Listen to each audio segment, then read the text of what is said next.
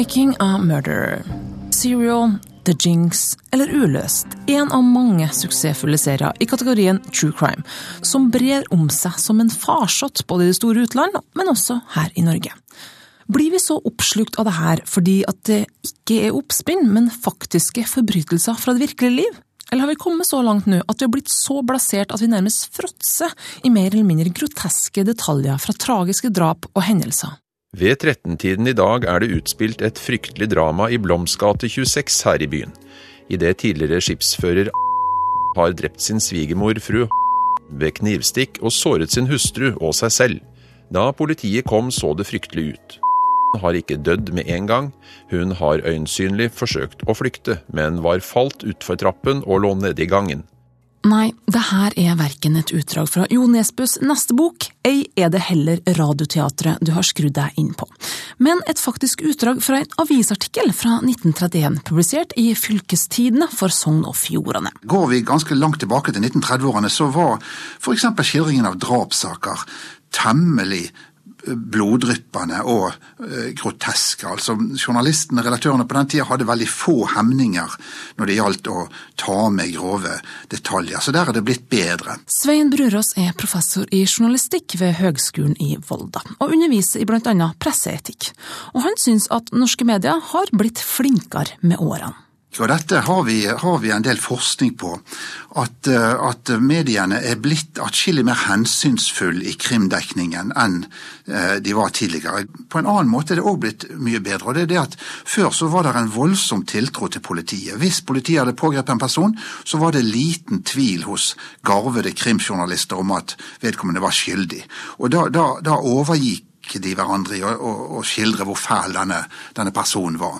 I dag så har en langt, langt større respekt for det at eh, enhver skal anses som uskyldig inntil det er falt dom i saken.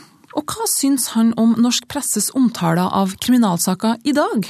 Dekningen generelt er, er ganske god av, av beskrivelsen av kriminaliteten i samfunnet.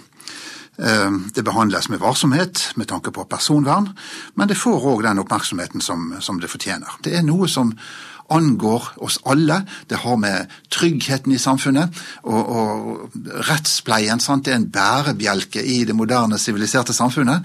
Og, og, Derfor er det viktig at, at mediene rapporterer fra dette feltet. Det har en djup samfunnsmessig betydning. Mm. Får kriminalstoff for mye plass i spaltene, eller er det passe, eller er det for lite dekning av det?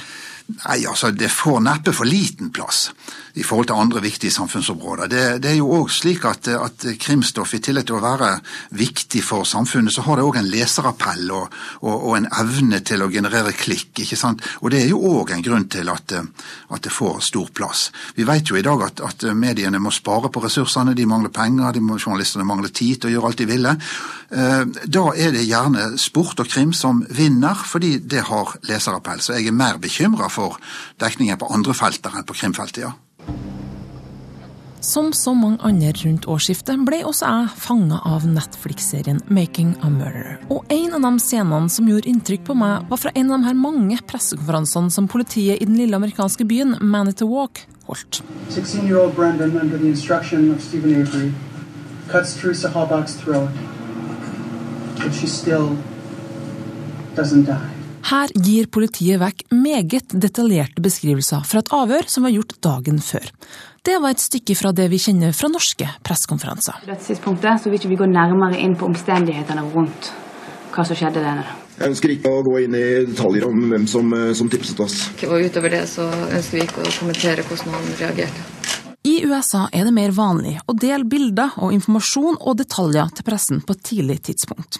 Brurås mener det er store forskjeller på forholdet mellom presse og politi i andre land, og i dette eksempelet USA. Og Forskjellene har lange tradisjoner. altså Et godt eksempel er dette at uh, i mindre kriminalsaker så er det hos oss en selvfølge å ikke navngi de involverte. I USA så er det en like stor selvfølge å gjøre nettopp det. Årsakene til dette kan være flere, men, én årsak som mange har pekt på, er at tilliten til politiet er mye større her i Skandinavia enn i USA. Sant? Folk frykter mer overgrep fra politiet sin side i USA. da, eh, At du skal bli urimelig behandla, at du skal bli mer eller mindre glemt på en celle. En, en, en har ikke den tilliten til politiet at du får en rettferdig og rimelig behandling. og Derfor så ønsker jeg medieomtale, sånn at du i hvert fall ikke blir glemt. Kriminalsaker er kanskje klikkvinnere, men også et journalistisk minefelt. Det er mange interesser, konflikter og ikke minst følelser involvert i sånne saker. Og det gjelder å holde tunga rett i munnen og penna balansert i hånda. Og gjennom Vær varsom-plakaten er det spesielt to ting norsk presse må passe seg for, ifølge Svein Brurås. Unngå forhåndsdom, det gjør en ganske enkelt ved å unngå å omtale en person som gjerningsmann før vedkommende er dømt. Journalister er stort sett ganske bevisst på å omtale de som, som det de faktisk er mistenkt, siktet, og, og, og, og, bruke formuleringer som ikke impliserer at de har gjort det, altså impliserer skyld. Eh, så har vi det, den regelen om å ikke identifisere mennesker som er involvert i kriminalitet. Det er en hovedregel, og den følges eh, som, som regel da. Det finnes unntak i de groveste voldsforbrytelsene, i grove eh, økokrimsaker. Så har vi òg bestemmelser som går spesielt på hensyn til ofre og hensyn til pårørende.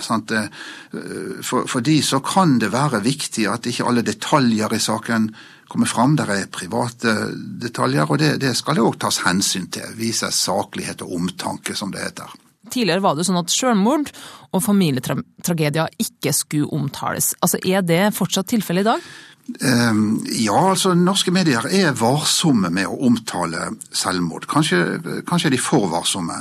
En eh, unnlater som regel å melde om sånne hendelser. I de fleste tilfeller så er det nok riktig å unnlate å melde om det.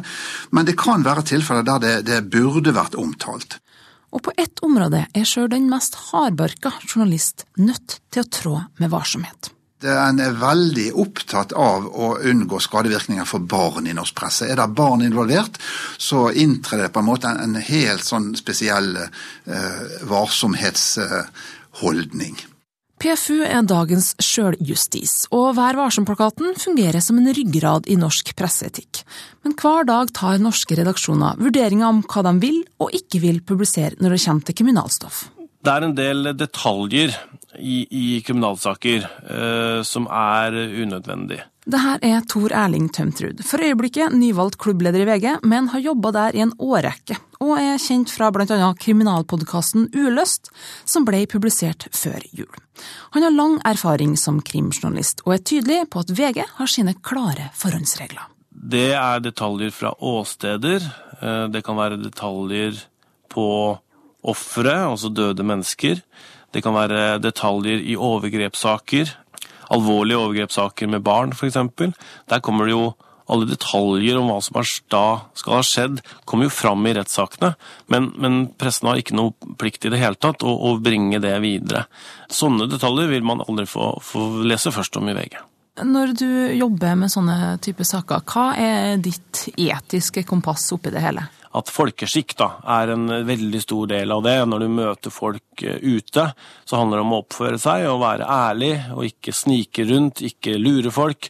Ikke eh, være uærlig i det hele tatt, men å være skikkelig ordentlig og si at man eh, jobber for, eh, for VG og, og, vil det og det og det. Og så er det jo da at det, det er veldig mange som ikke ønsker å, å snakke med, med, journalister, og det er helt greit, eh, mens andre ønsker det. Som en krimjournalist, uh, uansett om du jobber i VG eller annen eh, plass, hva tror du er den letteste fallgruva uh, når det kommer til etiske vurderinger i omtale av kriminalsaker? Jeg tror det kan være lett å falle i den fella med at blir, at man blir styrt av informasjon. Hvis det kommer informasjon kun fra én side, så er det vanskelig å å konfrontere og være kritisk til det. Eh, og så tror jeg man må påse så godt det overhodet lar seg mulig, uh, mulig å gjøre. Og, hente kilder fra flere sider, hente informasjon fra alle sider og være egentlig så objektiv som man kan klare. Har du noen opplevd at du som krimjournalist har jobba såpass mye med en sak og vet så masse og fått så mye informasjon at oi, det var like før jeg nesten forhåndsdømte denne personen før den faktisk har blitt dømt i en rettssak? Nei, jeg, jeg, jeg, tror ikke, jeg, tror ikke, det. Jeg tror at uh, f.eks. For en, en forsvarer eh, til en tiltalt i en rettssak kan nok mene det, at, at uh, media forhåndsdømmer tror vel at det er ikke pressen som forhåndsdømmer, det må heller være politiet eh, og påtalemyndighetene som, som, påtalemyndigheten som går ut og, og er eh, for krasse før en rettssak starter, f.eks. Det kan nok være tendenser til forhåndsdømming, uten at jeg har noen klare eksempler på det. da. Tor Herling har vært journalist i VG i ni år, og har i hovedsak jobba som krimjournalist i de her årene. Hva gjør det med en journalist når jobben din består i å grave i saker bestående av vold, drap, kriminalitet og blodig urettferdighet? Altså Det er, det er jobben. Ehm, nå skal ikke jeg være noen sånn tøff fyr som sier at det ikke går inn på meg, men, men det som skjer, er at eh, etter en lang arbeidsdag i en kriminalsak, et drap eh, f.eks., så, så har man kolleger, man snakker sammen, man, man debrifer det man har vært igjennom. Man snakker med sjefene sine, eh, med familien sin osv., og, og, og, og takler det. Det som gjør inntrykk, er jo når pårørende til drapsofre, eh, familie, mor, far, søstre, søsken. Eh, av og til så kan man på en måte høre at de synes at pressen og mediet er er for nærgående. Eh, det kan være at de syns at det skrives for mye om det, eh, osv. I, I VG så har vi en regel på at vi aldri, eh, og da understreker jeg aldri, snakker med pårørende. Vi, vi ringer ikke, vi, vi, oppsøker ikke pårørende i en tidlig fase i en, i en sånn sak. Men allikevel så gjør det inntrykk, fordi de lever videre med dette. De må må takle det, eh, mens vi som jobber med det, det, det kan jo være ambulansepersonell, politi og journalister og alle de som da på en måte er profesjonelt inne i en, i en sånn sak og jobber med det. Eh, vi går jo videre til neste sak, mens de som er familiene og pårørende, de sitter med det hele livet. Ei som har stått i det i store deler av sitt liv, er Ada Sofie Austegard, som for snart 16 år siden opplevde enhver foreldres største mareritt. Først ble den åtteårige dattera hennes Stine Sofie og hennes ti år gamle venninne Lena meldt savna etter en badetur i turområdet Baneheia i Kristiansand, før de to dager senere ble funnet voldtatt og drept. Voldsomme detaljer å ha med i et manus for en radiosak, kjenner jeg, men som en av Norges mest omtalte kriminalsaker er det vel liten sjanse for at du ikke har hørt de her tragiske detaljene før. Jeg begynte jo å sortere, så jeg fikk laga store permer sånn at jeg passa til aviser. da. Og så begynte jeg jo etter dato. Her er jeg jo fra søndag 21. mai. VG. Og så er det jo I denne permen her så tror jeg bare jeg kom til hva var det her?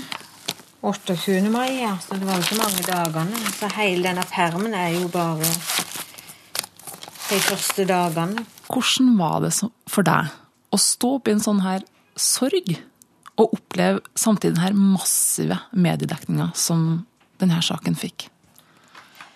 Det var både og. Uh, under leteaksjonen så var jeg veldig glad for at det var media der. Eh, ikke minst fordi at det, det var journalistene som turte å komme bort og snakke med meg. Og jeg skjønte jo ikke det før i ettertid, og for de ville det skape en god relasjon, men allikevel så var det godt der og da. Uh, og jeg var jo òg veldig glad for at saken fikk uh, sånn stor mediedekning, ikke minst pga. at vi nå skulle finne ut av hvem som hadde gjort det. og da er det jo veldig godt å ha media. Men samtidig så tråkka de jo over noen grenser innimellom.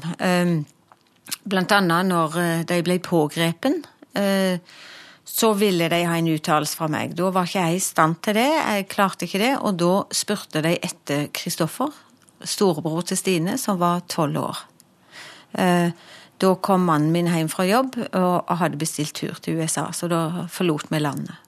Tragedien fant sted i år 2000, som ifølge avisforsker Sigurd Høst ble det året norske nettaviser fikk sitt gjennombrudd, men som på ingen som helst måte publisert i nærheten av det omfanget som gjøres på nett nå i 2016. Hva tenker Ada Sofie om mediedekninga hvis drapene hadde skjedd i dag?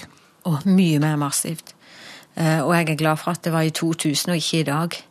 Eh, for jeg tror at det hadde vært eh, ja, nesten uutholdelig i dag, altså. Og ikke minst eh, med tanke på alle kommentarfeltene og, og, sosiale medier. Og så er jeg veldig glad for at det, at det ikke var sånn da.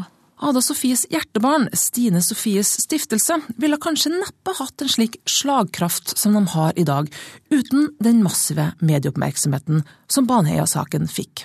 Men greier hun å se at det har kommet noe godt ut av det hele? Ja, absolutt. Eh, ikke minst så fikk jo jeg som mamma da muligheten til å kunne påvirke overfor myndighetene. Det var jo ingen statsråd som takka nei til et møte. Eh, så det var jo en veldig døråpner, og da tenkte jeg jo at dette må den jo utnytte for, til det fulle. Eh, så her kan da sørge for at det blir endringer i riktig retning for å styrke rettssikkerheten til barn, og òg bedre ivaretagelse av både fornærmede og etterlatte.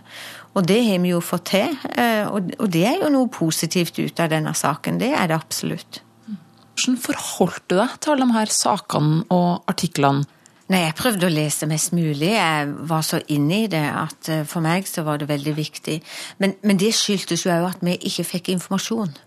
Eh, det var ikke noen sånn kontaktperson i politiet på den tida som på en måte ga oss eh, den informasjonen. Som et eksempel så kan jeg jo nevne at eh, vi fikk jo rede på dagen før pågripelsen at det skulle pågripes to relativt unge menn. Og når pågripelsen var foretatt, så ringte de, og da spurte jeg hvem er det. Eh, og da sa de at nei, det var ikke informasjon vi kunne få. Eh, så det måtte vi lese i VG dagen etterpå. Da var det òg bilder av begge to. Mm. Så vi var jo helt avhengige av media.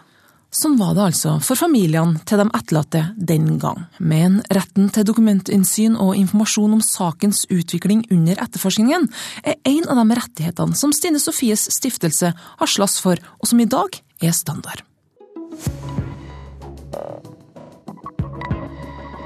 Pressen og politiet har ikke noe annet alternativ enn å samarbeide. Men når nyhetsverdien er som størst, er som oftest tilgangen på informasjon naturlig nok minst. Så jeg spør tidligere sjef for vold- og sedelighetsavsnitt i Oslo, Hanne Kristin Rode, om ikke hun ble lei av å ikke kunne gi så mye informasjon som pressen egentlig ville ha. Både ja og nei. Jeg gikk jo aldri ut til mediene uten å ha konferert grundig med teamet som jobbet på saken, enten det var drap eller voldtekt. Eh, litt avhengig av sakens kompleksitet, og sa hva tror vi media kommer til å stille spørsmål om, og hva vil vi svare på. Eh, for jeg hadde et krystallklart utgangspunkt, og jeg tror faktisk jeg har greid å holde det 100% Jeg ga aldri svaret 'ingen kommentar', for det er det verste jeg hører. For vi har alltid en kommentar. Eh, men det var noen ganger jeg måtte si 'det vet jeg ikke', for vi hadde glemt å undersøke det, eller jeg husket det ikke, og da syntes jeg det var en real sak. Sjøl om krimjournalist Tømterud var veldig fornøyd med jobben Rode gjorde i si tid, så syns han likevel at samarbeid med politiet kun og kan være utfordrende. Jeg tenker at det til tider er veldig vanskelig.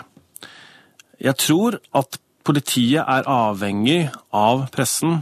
Eh, mediene er den kanalen som, som, politiet kan få ut informasjon, og det er informasjon som er viktig, som handler om ting som skjer. Altså å roe ned befolkningen, at det ikke er farlig, f.eks. Det er viktig informasjon å komme ut med. Så, så på den måten så er, er politiet helt avhengig av, av media. Eh, på den annen side så er politiet for lukka. Det er eh, åpenhet i en startfase i en sak, f.eks., så lukkes det helt. Og da, når eh, politiet lukker sine kanaler, så må pressen finne andre kanaler å få ut informasjon på. Og da kan det være, uten at jeg har noen eksempler på det, så kan det jo være at den informasjonen som da kommer ut, eh, ikke er riktig. Eh, så jeg oppfordrer jo politiet, og utfordrer dem også, på å være enda mer åpne og ha et mer gjennomsiktig etterforskning enn det vi har i Norge i dag. Han ønsker seg kanskje ikke amerikanske tilstander, men f.eks. heller svenske tilstander, der journalister allerede når tiltalen foreligger, får tilgang til både rettsdokumenter, etterforsknings- og bevismateriale. Hva tenker du om at han syns at dere har vært litt lukka? Jeg eh, mener at hensynet til etterforskning, hensynet til riktige domfellelser og eventuelt riktige frifinnelser må gå først. Ehm, og jeg forstår ikke heller alltid eh, begrepet allmennhetens interesse, for det er faktisk ikke alt folk trenger å vite. Det går en grense mot overskuddsinformasjon, og jeg er redd for at det skal utvikle seg mot grafsing og ikke en nødvendig informasjon for å eventuelt opprettholde trygghet eh, i et samfunn. En ting er det vi ser på pressekonferanser, når den ansvarlige politiet informerer og svarer på pressens mange spørsmål. Men når kameraene er slått av og blitslampene får sin etterlengtede hvile, skjer det fortsatt informasjonsutveksling. Mitt inntrykk er at det inngås mange sånne avtaler, og det handler jo da etter hvert om at man får en relasjon til hverandre. Eh, vi ser hverandre an, vi møtes mange ganger i løpet av eh, våre yrker. Eh, og etter hvert så hendte det rett som det var at jeg gjorde det, og jeg vet at flere av mine kollegaer også har gjort det og sagt at vel, jeg forstår at du sitter på den informasjonen, men det er faktisk utrolig viktig at du holder den. Jeg skal sørge for, så langt jeg kan, at ingen andre får den. Du skal få lov til å gå ut først. Eh, og det syns jeg er en veldig fin måte å samarbeide på, for da er det tjenlig for begge. Også har jeg opplevd å få eh, telefon eh, seint på kvelden og si vet du hva, nå tror vi at Også da henvisning til et annet medium sitter på de samme informasjonen som oss, nå går vi ut, vi bare orienterer. Og, og da klart at eh, da har ikke jeg som politi noe jeg skulle ha sagt. det er tydeligvis ikke noe uvanlig med at avtaler gjøres mellom politi og presse, men noen avtaler tåler tydeligvis ikke dagens lys. Ja, det er ganske velkjent at, at politiet lekker ganske mye. De, der er krimjournalister i Norge som er veldig dyktige, som har veldig gode kontakter i politiet. De vet hvor de skal finne informasjon. Det er ukjent akkurat hvordan de får fatt i den informasjonen. Sant? Det skjer jo bak, bak lukkede dører. Men, men, det er nok et faktum det at, at politiet lekker. Journalistikkprofessor Brurås mener det er kjent at politiet lekker, men da jeg spurte journalist Tor Erling Tømtrud om han hadde opplevd det, var han ikke helt enig i Brurås sine beskrivelser. Jeg kjenner ikke helt igjen eh, den beskrivelsen han eh, gir. Det tror jeg ikke politiet er enig i, og det tror jeg ikke pressefolk er enig i heller. Eh, det er klart at man har etter mange år opparbeida seg et nettverk av folk som man prater med. Det betyr ikke at, det er lekkasjer. Å jobbe med krimsaker og skrive om etterforskning som er lukka, sånn som jeg nettopp beskrev, handler ikke om lekkasjer, det handler om å legge et puslespill. Man får informasjon fra ett sted, som man sammenligner med informasjon fra et annet sted. Kanskje er det noen som kommer inn der, kanskje noen som kommer inn der. Og til sammen så danner man seg et grunnlag og et bilde av hva som, hva som er saken. Det er ikke sånn at pressen eller noen journalister har et sugerør ned i politietaten. Til slutt spør jeg tidligere politisjef Rode. Sjøl om hun ikke lenger er i politiet, så har hun jobba der lenge nok til å fortelle meg hvem som har rett. Journalistikkprofessoren eller krimjournalisten? Jeg skulle gjerne ønske at den kriminaljournalisten hadde helt rett, og gjerne gikk ut og fikk en dobbeltside, førsteside på det, for det er jo alltid politiet som får skylda. Eh, og fordi vi ikke vet, eh, så kan vi heller ikke si det er ikke oss. Men jeg tror dessverre at lekkasjer forekommer fra alle kanter. Ehm, de kan være bevisste. Det tror jeg egentlig ikke skjer veldig ofte fra politiet, men det kan være de ubevisste. Det at du snakker med naboen som er journalist, eller snakker litt for høyt på fredagspilsen f.eks. Ehm, det er mange situasjoner hvor vi mennesker glemmer å tenke oss om. Eh, men det finnes jo også personer som ønsker å ha et minutt i solen, og som da føler seg viktige hvis de kan gå med noe til mediene. Og vi har stygge eksempler fra norsk politi også på at det har skjedd. Det, det er det jo ingen tvil om. Så Derfor så endte det med at jeg la alt oppi eh, de kassene her.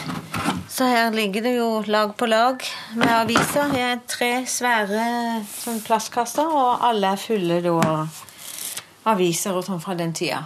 Det ble ganske mye for Ada Sofie og familien hennes når det sto på som verst. Men greide hun å ha noe forståelse for journalistene sin unnskyldning, nettopp det at de bare gjorde jobben sin? Eh, jeg har forståelse for det. Og vi kan Jeg syns at vi for ofte skylder på journalistene. Men det er jo Det er jo mottakerne som vil ha det. Eh, og det vet jo journalistene, at de må levere. De må levere noe juicy for at det skal selge, og sånn er verden blitt. Og vi må faktisk forholde oss til sånn som eh, media må operere, for det er vi som mottakere som, som ønsker den informasjonen. Og det glemmer vi ofte i vår kritikk for journalister.